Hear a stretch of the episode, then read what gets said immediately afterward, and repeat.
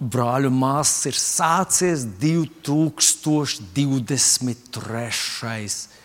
gads.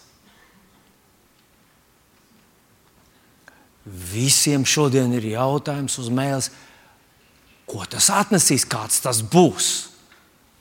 Es zinu, ka tu jau noteikti zini, kāds tas būs. Sāksies rīti, sāksies no rīta un beigsies vakarā. No rīta saulīt uzliks, vakarā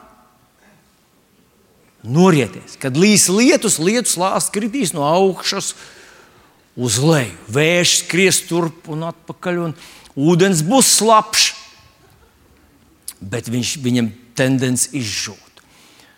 Nu, ziniet, manā sirdī arī vienmēr ir tāda, nu, tā, tāda mēs tā gribam zināt, ko tad. Un visas pasaules eksperti šodien pelna naudu ar to, ka viņi prognozē, kāds šis gads būs. Šajās pēdējās lūkšanās, trešdienās mums ir lūkšanas, un mums, mēs beidzām šo dziedināšanas ciklu. Mums tagad sāksies tāds kārtīgs darbs. Lūksim par savu zemi, par draugu, par dažādām lietām, kā svētais gars mūs vadīs. Bet šajās pēdējās lūkšanās, lūkšanas laikā pēkšņi es dzirdēju, es ticu, ka tas bija svētais gars, kas ierunāja manā garā vārdus - turbulence Un, zinot, es to biju redzējis. Es biju redzējis kādreiz atpakaļ YouTube tādu video rullīti, kas ir nofilmēts lidmašīnā, kad lidmašīna iekļūst tādās gaisa bedrēs. Domāju, ka visi kaut kad ir piedzīvojuši, bet tajā reizē es biju nofilmēts, ka tās bedres, gaisa bedres bija tik izteikts, ka tie cilvēki, kas sēdēja savos krēslos un nebija piesprādzējušies, kad lidmašīna tātad krita, viņi nu, uzlidoja gaisā, un viens otrs atsitās ar galvu pret to nu, augšā, kas jūs visi zinat, tur ir tāda, tāda skapja ar, ar, nu, ar visu to aprīkojumu, kas tur ir lidmašīnā. Un tad, kad es dzirdēju šo vārdu turbulence, momentāli es ticu, ka tas ir svētais gars, kas man atgādināja šo skatu. Un, un tas, ko es pēkšņi sapratu savā sirdī, ka tas būs tāds gads, Viņš, viņš nebūs katastrofas gads, bet, kā jūs zinat, nu, es neesmu Dievs kungs, neesmu kungs Jēzus, neesmu svētais gars. Es, tas ir tas, ko es nojaucu savā, tas, kā es to dzirdēju. Tas būs salīdzinoši tāds, tāds nu, stabils gads ar izņēmumiem. Un tie izņēmumi būs diezgan īsi, bet tas nekas cilvēki pazaudēs galvu. Tie cilvēki, kas nebūs stabili savā atziņā, savā atklāsmē, viņi zaudēs galvas. Nu, ne jau burtiski mirs, bet nu, pazaudēs to savu mieru un to savu adekvātumu. Jā, viņi nezinās īsti, kā rīkoties pareizi. Vai mēs to esam redzējuši? Tikko mēs atceramies, bija tas nu, Covid ģimenes esat izšķīrušās, tāpēc ka viens saka, ka vajag vakcinēties, otrs saka, ārprāts, tā ir antikrista zīme. Tas, tas, tas, cilvēki izšķīrās, pazaudēja savus tuvākos cilvēkus uz šī pamata. Nu, ja mūsu ģimenē būtu kaut kādas atšķirīgas viedokļi, un man sieviete par visu varu gribētu trīs reizes vakcinēties, un pēc tam piecus būsterus, es viņai iet vienmēr līdzi un lūgtu, lai nostrādā pozitīvi bet es nekad neļautu tam izjaukt manas attiecības ar manu dārgāko cilvēku. Un otrādi būtu tāpat. Ja es būtu pārliecināts, ka tas ir kaut kas, ko nekādā gadījumā nedrīkst izdarīt, man sieviete man atbalstīja, viņa uzliktu rokas un teikt, kungs, pasargā viņu no tā visa. Un mēs ne, neļautu tam izjaukt mūsu attiecības. Bet es zinu, ka šī, šī lieta ietekmē daudzas attiecības. Un daudz no, šīm, no šīs turbulences, ja tā var nosaukt, viņi vēl nav, nav dziedināti. Ir pazaudējuši attiecības un netaisās atgriezties tajās. Kaut ko no tā, ka cilvēks zaudē galvu, es jau dzirdēju.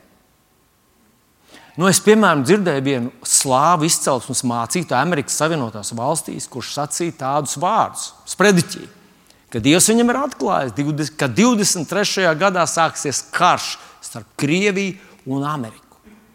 Un viņš teica, un Amerika būs pilna ar bēgļiem. Nu, mēs domājam, ka nu, no Ukrainas bēgļi metīsies uz turieni. Nē, nē, viņš saka, amerikāņi paši muks no viena štata uz otru.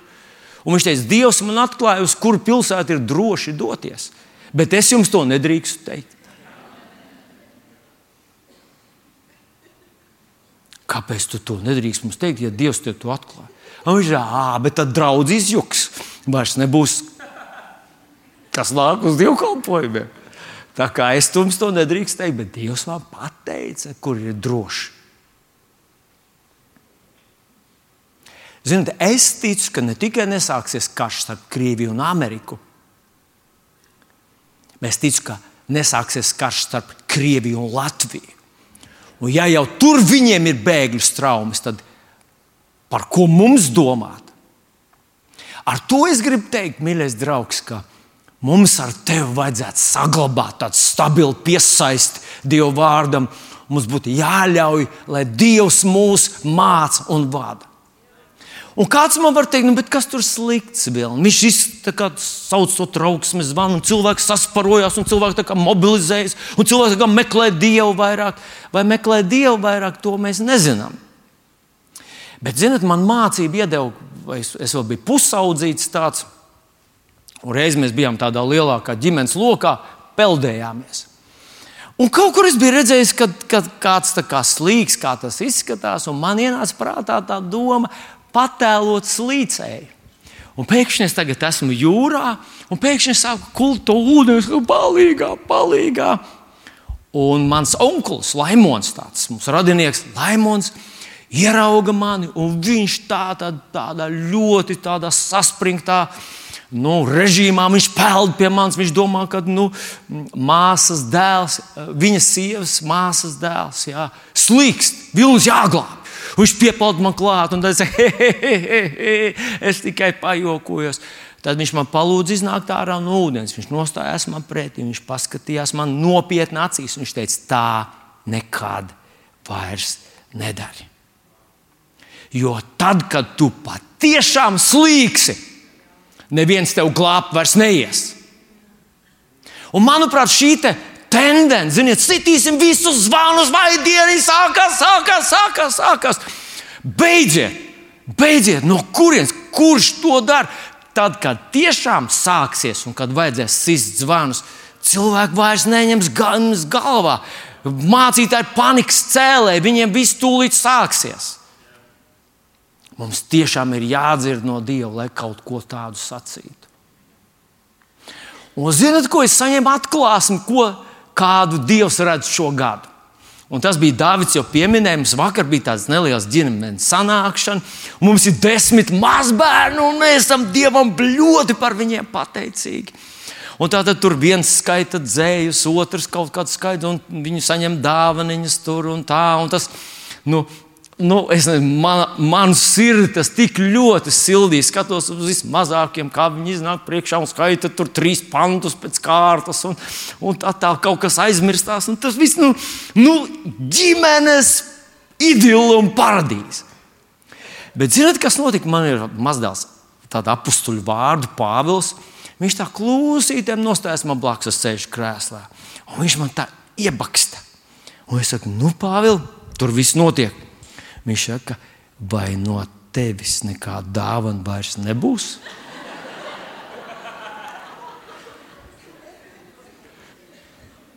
Un tu te kādu nekaunību. Nē, viņš vienkārši gribēja zināt. vienkārši bērns grib zināt. Up, vai no tevis nekādas dāvanas nebūs? Un zini, cik slikti es sajūtos? Es uzreiz paskatījos uz savu vietējo lokālo Santa Klausu, kurš sēž tur lejā, kurš vienmēr savāc milzīgas dāvanas, saka, bet mums vairs nav dāvanu. Un viņi saka, mēs visu atdevām. Un es domāju, šī problēma dievam noteikti nav. Un kad mēs ar tevi skatāmies uz 23. gadu, mēs sakām, vai no tevis vairs nebūs dāvanas? Ko Dievs atbildētu, kā tu domā? Ko? Pff, viņš teica, pagaidi, pagaidi, es, vēl, es tikai sāku. Es tikai sāku. Viņam nav, viņam nav krīzes, viņam cenas nav cēlušies, elektrība nav palikusi dārgāka. Viņš vispār nezina, kas ir nu, gāze. Viņš zina, bet viņš nelieto gāzi. Pats debesīs ir visa kā pār pārim. Un tāpēc es sapratu, un es saku jums, mīļie draugi, 23. gads ir pakāpienu gads, tas ir svētības gads, tas ir gads, kad mēs izlaužamies, tas ir gads, kad mēs pieaugam, gads, kad mēs kļūstam stiprāki, svētāki, mierīgāki, ietekmīgāki, veselāki Jēzus vārdā. Un jā, mēs nezinām, kas notiks tur ar to karu. Jā, jā. Jā, mēs neuztveram to viegli prātīgi. Bet mēs saprotam, ka tāds bija pēdējo laiku raksturojums. Bībelē tas ir melns uz baltu uzrakstīts. Bet tur tāpat ir uzrakstīts, ka jūs redzat visu to notiekam. Pats liet savus galvas, jo kas tuvojas? Pestīšana! Nevis apakālips, nevis šausmas, nevis ārprāts, nevis ārā! Bet pestīšana tuvojas! Mēs esam, mēs esam veselu gadu tuvāk slavas dienai, pestīšanas dienai. Mēs esam tuvāk tajai dienai, par kuru apstults Pāvils man liekas raksta, ka visa radība nopūstamās gaida to dienu, kad Dieva bērni parādīsies savā godībā. Hei, mēs uz kurieniem? Uz godību! Mēs ieraudzīsim savu kungu! Varbūt viņš atnāks pašā tumšākajā brīdī. Varbūt pasaulē būs nenormāli tums un nenormāls izmisums, bet tur iekšā, tur iekšā, tur zem tavas žaketes, zem kleitas, zem džempera, ne, nezinu, kas tev ir mugurā, tur ir miers. Un miers saucās tavs kungs, viņa vārds ir miers. Viņš saucās debesu tēvs, viņš saucās gans, labais gans. Ko dara gans, kad nāk vilks un lācis pie savām avīm? Ko viņš dara? Viņam ir, viņam ir gana zizlis, tas kā šķēps. Un viņš izvadīs, pasargās un izvedīs Jēzus vārdā. Tā kā lūdzu, lūdzu turi acis vaļā, ļauj, lai svētais gars tev vada tieši tavā situācijā, ko tev darīt, kā tev darīt. Kā jau tu dzirdēji, iespējams, tādas krasas kaut kādas pārmaiņas un kaut kāda raustīšanās, bet um, es ticu, ka tas kungs tev izvedīs cauri. Bet šodienas vārds, mīļie draugi, es tiešām ticu, ka Svētais Gars man to iedeva. Un tas vārds ir tāds, nu, nu, tāds nopietns vārds. Es mēģināšu, es skatos, ka laiks drudžains steidzas uz priekšu, mēģināšu tā kompakti to izstāstīt. Bet pats tā galvenā doma, ko es gribu, lai jūs piefiksētu, ka pats labākais gads pats Dieva dotais svētības notikums vienam var būt milzīga svētība, un kādam citam turpat blakus var būt katastrofa. Tātad 23. gads kādam var būt pakāpiens, un kādam var būt kritiens. No kā tas ir atkarīgs? Nu, ļaujiet man parādīt jums kādu, nu, kādu piemēru. Nu, ja jūs lasat Bībeli, esat tādi tā cītīgi Bībeles studētāji, jūs konstatēsiet, ka viens no lieliem Bībeles brīnumiem ir, ka Dievs izved savu tautu no Eģiptes zemes. Viņš kaut kā vairākās vietās tā burtiski saka, piemēram, 3. mūža grāmatā, 25. nodaļā. Viņš saka, es esmu tas kungs, kas tevi izvedi no Eģiptes zemes, lai jums dotu kanāna zemi un lai būtu jums par dievu. Tātad Dievs lepojas ar to. Dievs saka, hei, tas bija varens brīnums, tas ir kaut kas nedzirdēts, tas ir kaut kas neiespējams. Es to izdarīju, un es jums iedevu apsolīto zemi. Un mēs absolūti varam, nu, nu, lasot Bībeli, mēs faktiski lasām to, ko uzrakstīja Mozus. Mozus skatījās uz šiem visiem notikumiem no, no tā sava skatu punkta. Vīrs, kurš bija starpnieks starp Dievu un savu tautu kurš bija ideālais līderis. Mozus ir ideālais premjerministrs, ideālais karalis, ideālais prezidents, ideālais līderis. Un Dievs tādu bija devis savai tautai. Un viņš uzrakstīja šo atskaitu, ko mēs lasām piecās mūža grāmatās. Uh, bet, bet uh, uh, tā tad mūzums tas bija nu, tāds iziešana no Eģiptes, tas tāds dieva brīnumaina glābšanās. Un jūs varētu palasīt, jūs varētu kādreiz iejust, iejusties nu, tāda vīra tēlā. Iedomājieties, ka jūs esat tur uh, bijis viens no tiem vergiem, un 400 gadu jūs esat vergojuši. Un tad vienā dienā jūs kļūstat par brīviem cilvēkiem, jūs ejat tūkstnesī, un 40 gadus Dievs jūs baro tūkstnesī, un tad jūs beig, beigās aiziet līdz apsolītai zemē. Jūs ieiet skaistā zemē, kurā piens un medus tēk, un tā tālāk. Fantastisks stāsts, vai ne? Bet tajā pašā laikā, lasot šo mūzes pārstāstu, ko absolūti mēs ticam, ka tas ir Dieva gara inspirēts. Mēs atrodam cilvēkus, ik pa laikam viņi parādās cilvēku grupa, priekš kuriem šī iziešana no Eģiptes zemes bija katastrofa. Viņiem, es nezinu, viņi, protams, ja mēs viņiem pajautātu, nu kā tur tā Eģiptē, viņi mums teikt, nu, Eģiptē, protams, nebija nekāda medusmaize. Protams, nebija medusmaize.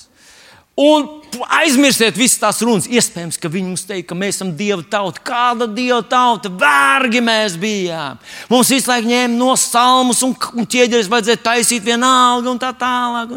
Un viņš varētu stāstīt, cik šausmīgi tur tā Eģiptē bija, bet kas sekoja pēc tam?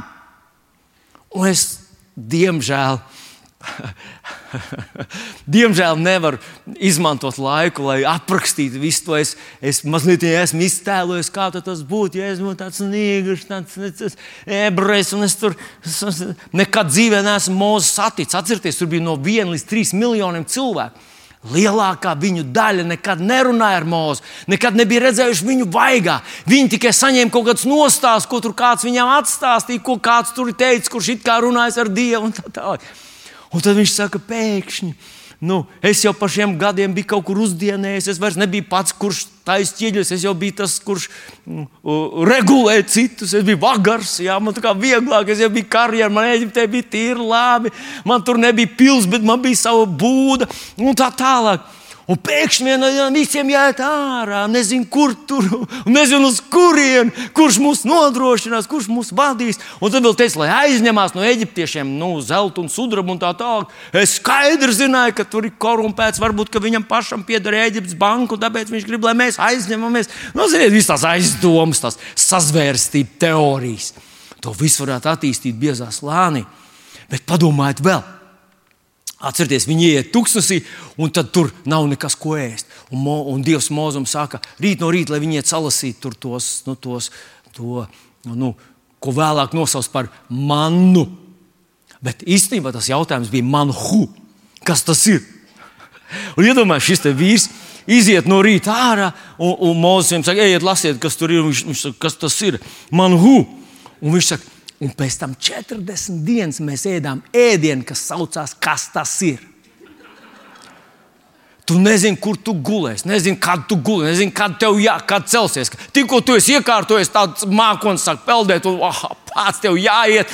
Un Eģiptē mums vismaz bērns varējām normāls uztaisīt. Šeit cilvēki mirst, un mums pat nav laika viņus apglabāt. Ziniet, tur varētu sataisīt tādus stāstus. Mūzis pazūd uz 40 dienām, un šie cilvēki, šie realistiski domājušie cilvēki, saka, Mēs nezinām, kas viņam notic. Ejam atpakaļ uz Eģiptu. Tur vismaz tur nebija medus maize, bet tur vismaz kaut ko varēja saprast. Kaut kas bija prognozējams. Šeit tu neko nesaproti. Vai jūs saprotat? cilvēkiem ir pilnīgi atšķirīgs filtrs, kā viņi redz notikumus un redz dzīvi. Un man, es jums pastāstīšu, mums kādu laiku atpakaļ bija suns. Atcerieties, toreiz, kad mums bija suns, es jums kritu uz nerviem ar saviem stāstiem par sunu. Un, un kaut, kad, kaut kad es tur arī piedalījos kaut kādos, tur, nevis piedalījos, bet paskatījos tajos čatos, kur to suņu īpašnieki dalās ar visām problēmām un kā viņas risina tā tālāk. Un tā tālāk. Un man palicis tik spilgta atmiņā viens stāsts, viens suņa īpašnieks raksta, ka viņa suns ir atvēris viņam acis. Uz ko? Uz cilvēci. Jā. Viņš agrāk staigāja pa mežu un baudīja elpoju svaigu gaisu un, un baudīja mežu un tā tālāk. Kopš man ir suns, un tam sunim bija viens ļoti liels netikums. Tas suns mīlēja mēslus. Jo svaigāk viņi bija, jo, jo vairāk viņš mīlēja. Un viņš teica, es aizēju vis tālākajā meža stūrī, kur neviens cilvēks vēl nav bijis. Palaižu vaļā savu bobi. Viņš atgriežas atpakaļ, un es saprotu, cilvēks ir tāds neģēlis. Piekakājis vis tālākos meža stūri. Tu saproti, ka vienam ir tā tāds, nu, bites radars, un viņš redz medu, viņš redz labo, viņš redz to, ko Dievs izdarīja. Kad Dievs vienā dienā izved ārā mūs no verdzības nama, otrs to pašu situāciju redz pilnīgi atšķirīgi. Visur ir slikti, viss ir nezināms, viss ir nesaprotams, viss ir ne tā, kā vajag.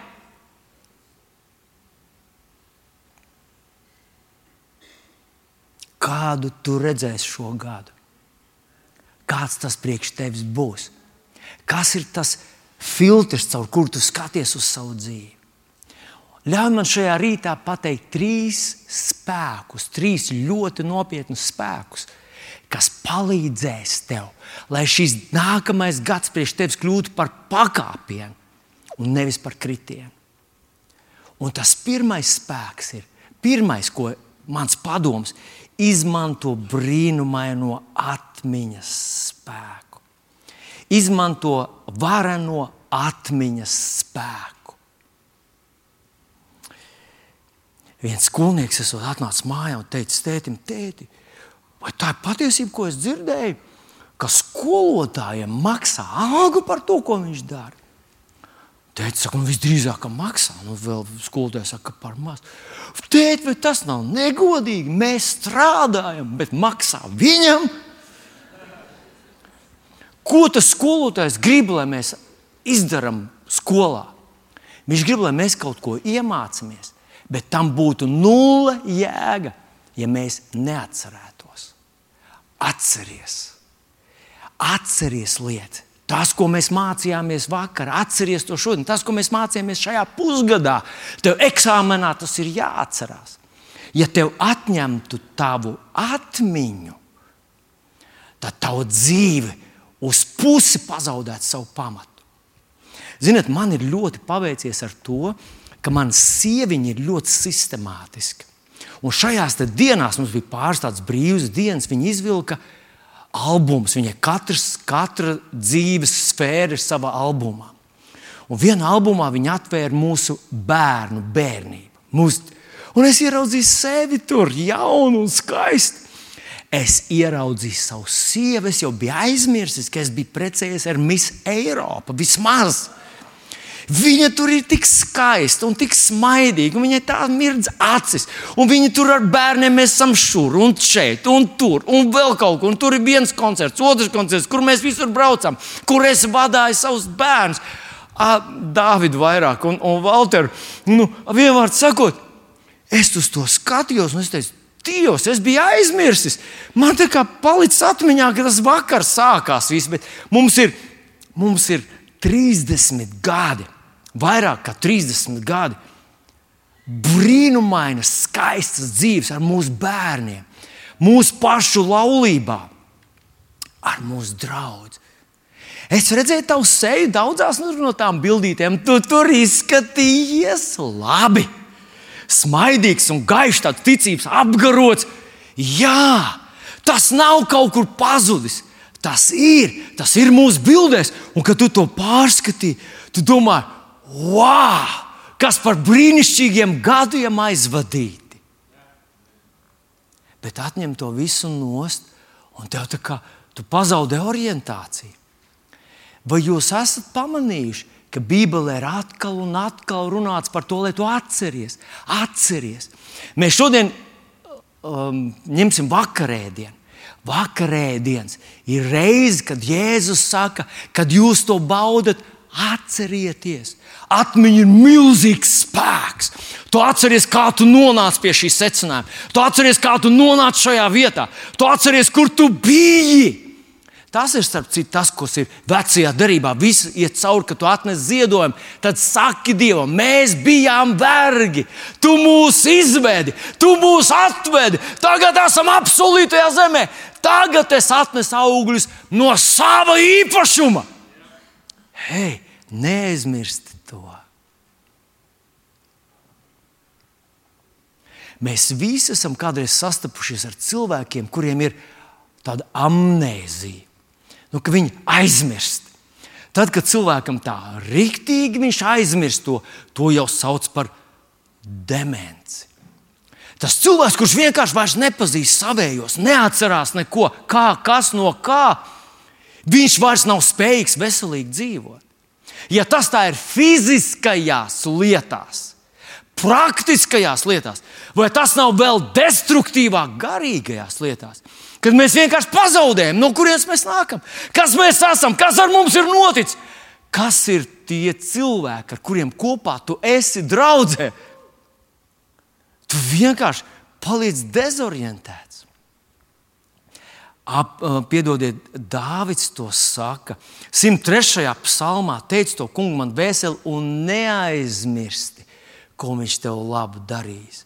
Un tad viņš tā kā vēl kā ar bildītes un rāda tev, re, kur atceries, jūs bijāt šeit, un jūs bijāt tur tajā ekskursijā, un jūs bijāt šeit, tajā, tajā izbraukumā, un paskatieties, kā jūs visi tur ēdat maizīs, un paskatieties, kā jūs visi tur braucat ar laivu, un paskatieties, kā jūs visi, mīļie draugi, kad jūs esat izvilkuši ārā savus ģimenes albumus un atcerējušies un izbaudījuši to skaisto laiku, kas jums bija ar jūsu bērniem, kad viņi bija maziņi, kad viņi bija pusauģi gados, kad viņi bija jaunieši. Tas ir brīnumains, spēka avots.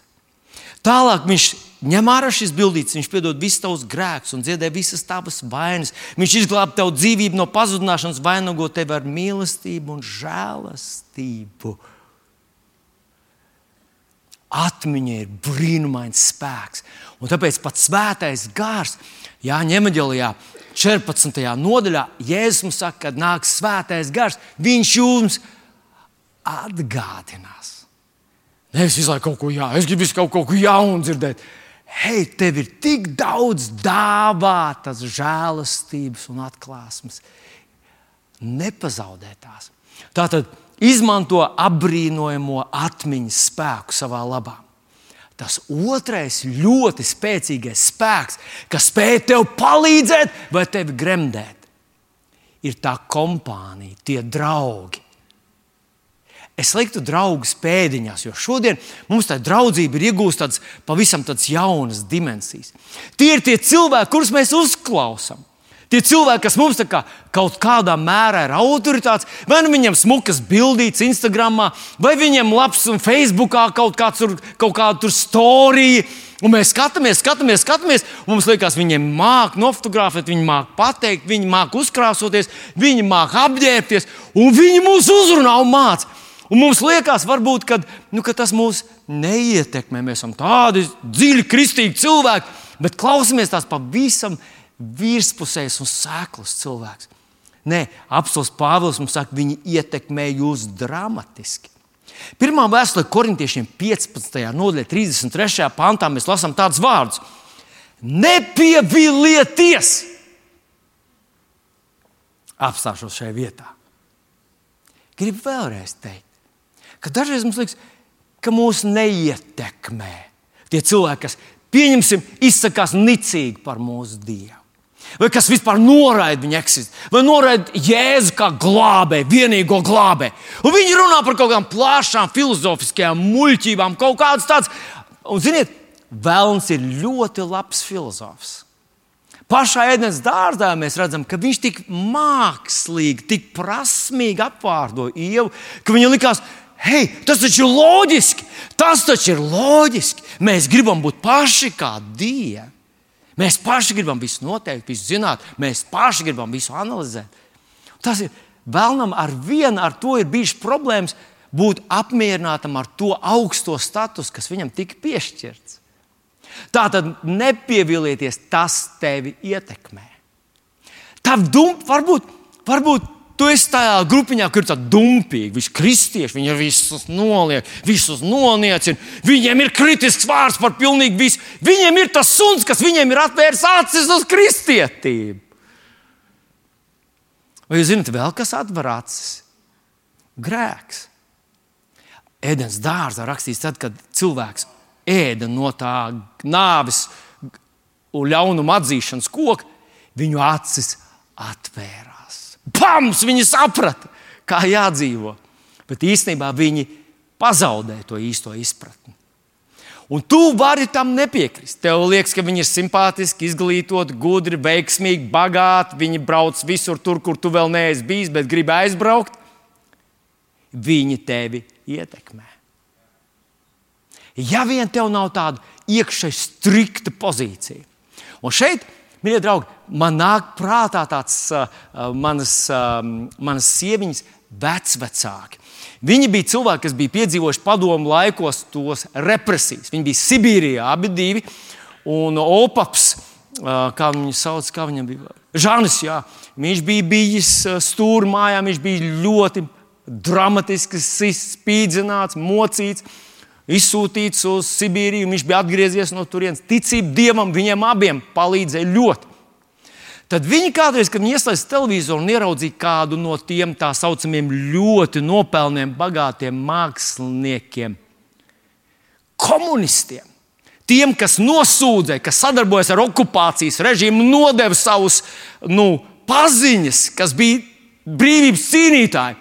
Viņi uzreiz viņam pielika žetonu klāt. Šis ir nodevējs, tas ir vecais, no, no vēl kaut kāds tur bija tas Un cik arī viņš labi nespēlēja tur uz tās skatuves, cik arī viņš nopelnīja bagāts skatuves mākslinieks nebija, viņus tas vairs neuzrunāja. Viņi zināja, kas viņš ir savā būtībā. Un šeit, mīļais draugs, ka Dievs mums palīdzētu ņemt vērā šos te kritērijus, kas dievam ir. Ja tas cilvēks ir pazaudējis gaismu, ja tas cilvēks nav atradzis gaismu, viņš varbūt skaisti runā, viņš varbūt skaisti dzied, viņš varbūt augstu lec un ātri slēpjas, bet viņam nav gaismas, un es viņu neklausu. Es varu būt, varu mazliet paklausīties, kā viņš tur kādu, kādu takti un kādu noti iz, izvelk. Bet es eh, nekad nepazaudēju šo atklāsmi par to, kas tad ir tie, kurus es gribu, lai man uzrunā. Kā viņš te sacīja, ļauna sabiedrība samaitā labus tikumus. Tas teiciens, pasaki man, kas ir tavi draugi. Es pateikšu, kas tu esi, ir pareizs. Pasaki man, kā tavi draugi izturās pret laulību. Ko viņi domā par uzticību laulībā, mīlestību, par laulību visu mūžu garumā? Ko viņi domā? Un, ja tu saki, ka viņam ir tāda brīva, viņam tas viss liekas, viņi tādi moderni, cilvēki izglītoti, cilvēki, viņi tādi toleranti, cilvēki, tādi rietumnieki. Pēc kāda laika tu arī tur būsi. Tev pietrūks spēka cīnīties par savu stāvēt, palikt uzticīgam, palikt nesautīgam, palikt mīlošam, jo tavi draugi tevi ietekmēs. Ja tie ir dumpīgi cilvēki, ja tie ir atkritēji kristieši, kas saka, Dieva žēlastība ir tik liela, ko tur iet vergot tai draudzē, ko tur iet sisties no gādiem cauri. Dieva dēļ beidziet! Dievs taču ir tik labs, tik žēlsirdīgs. Viņš taču atvērs debesu vārdus tik plaši vaļā, ka tur tiks iekšā daži jūdas arī vēl. Nerunājot jau par tevi. Tu pats tāds būsi. Ja tev draugi ir atkrituši, tu būsi atkritējis. Ja tev draugi ir vienaldzīgi, tu būsi vienaldzīgs. Ja tev draugi ir dumpinieki, tu to mantos no viņiem. Tu inficēsies ar to, kas ir tiem, kuriem tu esi piešķīris autoritāti. Bet tajā gaismā, mīļie draugi, vai jums neliekas, ka īpašu vērtību iegūst tie draugi, kas deg par Kristu, kuriem sāp viņa darbs? Kas gadiem ilgi uzticami meklē, paklausīt Dievam, iet viņa ceļus, nepadodas vasarā un ziemā, augstumā un karstumā, kas nepadodas, kad ir viegli un tad, kad ir grūti. Tāds kāds bija apustulis Pāvils, Pēters, Jānis vai viņu draudzības ar viņiem, attiecības ar viņiem. Mazā grupa, uz kuru tu atnāc, un pēkšņi tu skaties apkārt. Jā, viņi neviens nav tāds kā es, neviens nedara to darbu, ko es daru, bet mūs vieno mīlestību uz Jēzu! Vai tā nav viena brīnumaina sadraudzība, brīnumainas attiecības, kas palīdzēs tev celties un degt un nevis krist un izdzist. Tātad ierēķini ņem vērā tavu draugu ietekmi uz tevi. ir otrais. Atrod labus draugus. Un trešais ir pats pats svarīgākais. Es to nosaucu tā, ļaujies pašām svarīgākajām attiecībām. Ļaujies! Ziniet, Vēlns mums ir radījis tādu priekšstatu, ka mums jārāpjas pa stikla kalnu. O, mēs cenšamies tevi atrast. O, lūdzu, neslēpies no mums. Lūdzu, nē, nepamet man. Mēs dziedam to nē, garām, dārgais. Ja mums tāds sajūta, ka viņš zogās garām, un mēs tā kā, viņš tā kā Santa Klaus grib aizlido, bija, bet neviens nav redzējis. Tie ir vislielākie meli, kādi vien ir iespējams. Mēs zinām, Jānis 3.16. Dievs tik ļoti mīlēja pasauli, ka Viņš deva savu vienpiedzimušo dēlu, lai tu nepazustu. Viņš deva tev, Viņš atnāca pie mums. Nevis mēs pie viņa, nevis mēs lienam stikla kalnā. Viņš rāpjas mūsu sirdīs, Viņš stāv pie mūsu sirds durvīm un klaudzina. Ziniet, tā ir īpaša aina, kur mēs redzam atklāsmes grāmatā, kad mēs lasām par laudiķeis draugu. Īsnībā, kad to palasītu, teiksim, nu, nu, nu, es atsaukšos vēlreiz to King James. Tad tur ir interesanti rakstīts, ka tā nav Kristus draugs, tā ir viņu lauditiešu draugs. Jēzus tur nemaz netiek iekšā. Viņš tur nav gaidīts. Viņi paši ar sevi visu izstrādājuši, viņi paši ar sevi darbojas. Viņiem pietiek pašiem ar sevi.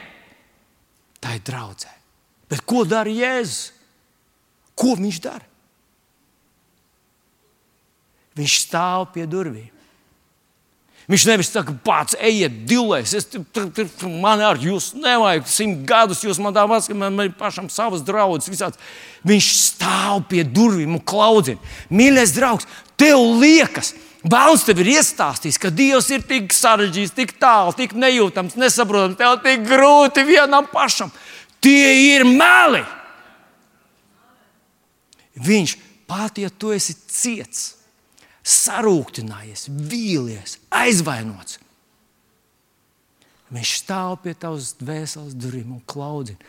Vilni ielaid man, vilni es gribu, lai tu mani iepazīsti. Vilni, vilni, vilni. Viņš tev sauc vārdā. Viņš saka, hei, man patīk ar tevi būt. Man gribas, lai tu mani iepazīsti, man gribas, lai tu pietuvojies man. Es gribu, lai tu sajūti manu sirdi savā krūtīs. Es gribu, lai tu mieru, prieku un cerību, kas es esmu, lai tā motivē tevi. Parādīšu vienu mazu rakstvietiņu, kas, manuprāt, ir, vuj, par viņu varētu runāt daudz, bet uh, Mēs nerunāsim daudz par viņu. Tikai gribu tev viņu atgādināt. Tā ir Daniela grāmatā 11. nodaļa. Šīs, šīs mazi panti, viņi. Uh, Viņi, ilustrē, viņi vistuvāk ilustrē tos pēdējo laiku turbulentos notikumus, par ko visi lasot. Domā, vai dienā, dienā antikrists un te būs un šausmīgi, un tur, un tur būs zvēra zīme, un tur vai dieniņi tur nē, garām veikalam, jo tur var kāds netīšām tevi uzspiest zvēra zīmi. Un tu un pats nezinot, būs zvērs. Ja, un, un, un tā tālāk. Nu, ziniet, tā ir šausmīgi tie notikumi, kas cilvēks saka, labāk mirt nekā dzīvot tajā laikā. Nē, nu, ja tas kungs sauc mājā, tad jāiet mājā. Bet, bet ja tu vēl esi šeit, ir labāk dzīvot. Tu vari kaut ko ietekmēt vēl šajā pasaulē. Un tas ir tas, kāpēc mēs esam šīs pasaules sāls. Mēs esam šīs pasaules gaisma. Dievam mums vajag šajā pasaulē. Bet tad mēs lasām šeit 32. pāntu, Daniels 11, 32 ar glaimu un pavadinājumu pilniem vārdiem. Viņš pamudinās tos, kas liecas pārkāpt derību, galīgi lauz savu uzticību tam kungam. Nu, te ir burtiski aprakstīti notikumi, kas bija uh, pirms mūsu ēras, pirms Kristus bija Antiochs, 4. epifānijas, tāds sīriešu valdnieks, atnāca uz Jeruzalem. Viņš sevi uzskatīja par zeva inkarnāciju. Zev, tātad Romas, viens no Romas dieviem, galvenajiem dieviem. Viņš uzskatīja, ka viņš ir zeva inkarnācija. Viņš tur kukuļus, viņš tur manipulē. Viņš gribēja, lai, lai šis Jeruzalemes templis kļūst par zeva templi. Un tad tur ir tas stāsts, ka viņš atcēla dienasčos upurus un atnesa cūku un lika to upurēt zēvam un tā tālāk. Tas sākās e, ebreju valstīs sacelšanās. Un, un šie paši notikumi ir, ir aprakstīti tie, ko Antikrists darīs. Jā, pašās, bēr, pašās to, nu, to piš, um, lielo bēdu sākumā, pirms tam pēdējiem trīs ar pus gadiem, viņš atkal Dieva namā, kurš uz to laiku jau būs, viņš tā atcels to kalpošanu tur un tur, pats apsēdīsies tur tajā namā un liks, lai viņi pielūdz un tā. Bet, bet tas, ko es gribu, lai jūs ievērojat, kas ir rakstīts tālāk Bet tie ļaudis, kas pazīs savu dievu, paliks stipri, pastāvēs un pēc, rīkosies pēc savas pārliecības. Es zinu, ka es esmu nogurdinājis vienu otru ar to savu King James piesaukšanu, bet šajā vietiņā, kur rakstīts rīkosies pēc savas pārliecības, King James saka, viņi darīs varoņdarbus. Tie, kas pazīs savu dievu, darīs varoņdarbus. Mēs nevis aizklibosim līdz kapam, viņi būs varoņi. Viņi darīs, viņiem būs spēka, gan spožums, gan autoritātes, gan drosmes, gan zināšanas, gan. Viņi darīs dažne, dažādas var, varoņdarbus pašā sarežģītākajā, grūtākajā laikā. Un tāpēc ļaujies tām attiecībām ar kungu Jēzu. Un Dārvids ļoti precīzi to ie, iezīmēja. Romiešiem 8. nodaļā, uh, es tur saku 31. un 32. pantā, tiem jūdiem, kas bija sākuši viņam ticēt, ja jūs paliekat manos vārdos, jūs esat mani mācekļi. Jūs atzīsiet patiesību, un patiesība darīs jūs brīvus atzīt patiesību. Kas ir patiesība? Jēzus ir patiesība. Jā, ka tu atzīsti patiesību, ka tu mīli viņu vārdu, tu tam uzticies, tu iepazīsti kungu Jēzu. Un Jāņem Evanģelē 14. nodaļā, man liekas, 9. pāns tur bija, kur Jēzus saka Filipam tāds vārds, ka Filips saka, rādi mums tēvu, tad mums pietiek. Mēs gribam pazīt tēvu, tad mums pietiek. Jēzus viņam saka, Filip, nu, tu vēl neesi sapratis, kas mani ir redzējis, vai kas mani pazīst, tas tēvu pazīst. Tu saproti, kur ir tas Jānis 316, tā mūžīgā dzīve, kur ir tas tā, tā labsajūta tavā sirdī, kur ir tā harmonija, kur ir tas spēks, prieks, miers, ka tu nestaigā tā kā tāds nu, gar pasaules šņabu veikalu, piedodiet. Vienreiz viens cilvēks man teica, tā pasaule tā kārdina. Es saku, kas kārdina? Tā pasaule viņai tik daudz ko dod. Kam ir ko dot? Nu, redz, tur papaiet garām šņām veikalam. Ne... Man nekad dzīvē. Es eju garām, tā, tā ir tā kā man iz, iz, izniekot uh, teritoriju, tā kā, tā kā tukšs vieta, tas ir kā melnais caurums. Man nekad nav bijis kārdinājums iet šņabveikalā. Nu, jā, paskatieties, kādas tur tās pudeles, piens ir tādās prastās pudelēs, vai kādas tur viss tās smukās. Un... Tu iedomājies, Tur ir tādas smukas pudeles, kurās ieliec tas, kas tevi padara dumju. Cik skaisti palikt dumjam. Man nav nekādu kārdinājumu. Man nav nekādu kārdinājumu pazaudēt tās saknes, kas man ir. Es gribu atcerēties, no kurienes es nāku. Es neesmu vienkārši cilvēks ar reliģisku, kaut kādu tādu filozofisku nostāju. Esmu cilvēks, kurš bija pazudis, gāju uz elle, kuram nebija nekādas jēgas viņa eksistencē. Tā nebija jēgas eksistencē, nebija jēgas. Bērni, bērni ir brīnišķīgi, bet man par maz ar bērniem. Nu, par maz ar bērniem. Un es iepazinu Jēzu. Tagad es eju uz debesīm. Es esmu aicināts ar mūžīgu aicinājumu. Man ir uzdevums, mūžīgs uzdevums šajā pasaulē. Es ne vienkārši gaidu nāvi, es šeit pildu misiju. Vai es to gribu aizmirst, pazaudēt? Nē, es to nevaru pazaudēt. Lai ar cik stulba paliktu pasaule, lietojot to, kas ir šņabveiklā, vai kādā citā veikalā, vai kas nododas kaut kādam tur, nezinu, seksuālai kaut kādai apreibināšanai. Puspasaule apreibināta ar seksu, puspasaule ar naudas, puspasaule apreibināta ar visām tādām nihilismu, tādu vienkārši tādu noniecināšanu. Visu. Es gribu paturēt skaidru prātu, es gribu atcerēties, kas es esmu, no kurienes es esmu, kāpēc es šeit esmu un kurp es dodos. Un es gribu būt kopā ar tiem, kas mīl Jēzu Kristu. Vienalga, kas viņi ir, vienalga, ko viņi dara šajā pasaulē. Es gribu būt kopā ar cilvēkiem, kas man palīdz. Atcerieties, jēsties, kur divi vai trīs tādi cilvēki ir. Tur es esmu viņu vidū. Vats. Jā, es saprotu, ka man nav jāiet dzīvot klosterī. Un kad es esmu starp tiem citiem cilvēkiem, es turēju kā misionārs. Nevis ar pierakstu blociņu, es turēju, lai viņi pieraksta. Un, ja viņi atsakās no mana kunga Jēzus, es varu iztikt bez viņiem. Mums divi tādi Jēzu ir tik labi. Jā, jā, jā, jā, jā. Jēzus teica, ja kāds manis dēļ pazaudē draugus, vai māju, vai tīrumu, vai, vai vienalga ko. Ja kāds grib palikt ar mani un pazaudēt savus labākos draugus, miljonārus, es nezinu, skaistos, populāros, izglītotos, vienkāršos, dzērājs vai, vai pavadinātājs.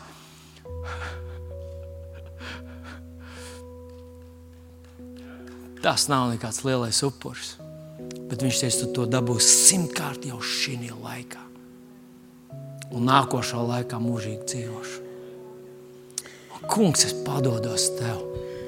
Es gribu tevi iepazīt, tāpēc es mīlu tavu vārdu. Es palieku tavā vārdā. Jo nav nekā cita dārgāka cilvēkam šajā pasaulē, kā attiecības ar manu kungu un pestītāju. Zini, ja šīs trīs lietas tu savā gadā, šajā gadā praktizēsi, šis ir tavs gads tavs gads celties, tavs gads uzvarēt, tavs gads paplašināties. Šis ir gads, kad skatīties ienaidniekam acīs un Jēzus vārdā lietot visus garu ieročus. Un viņš strādās priekš tevis. Bet tas nenotiks pats par sevi. Tev ir jāpieceļās, jāiztaisnojas, jāpaceļ savu galvu un saka, Kungs, Jēzus vārdā es dodos iekšā šajā gadā.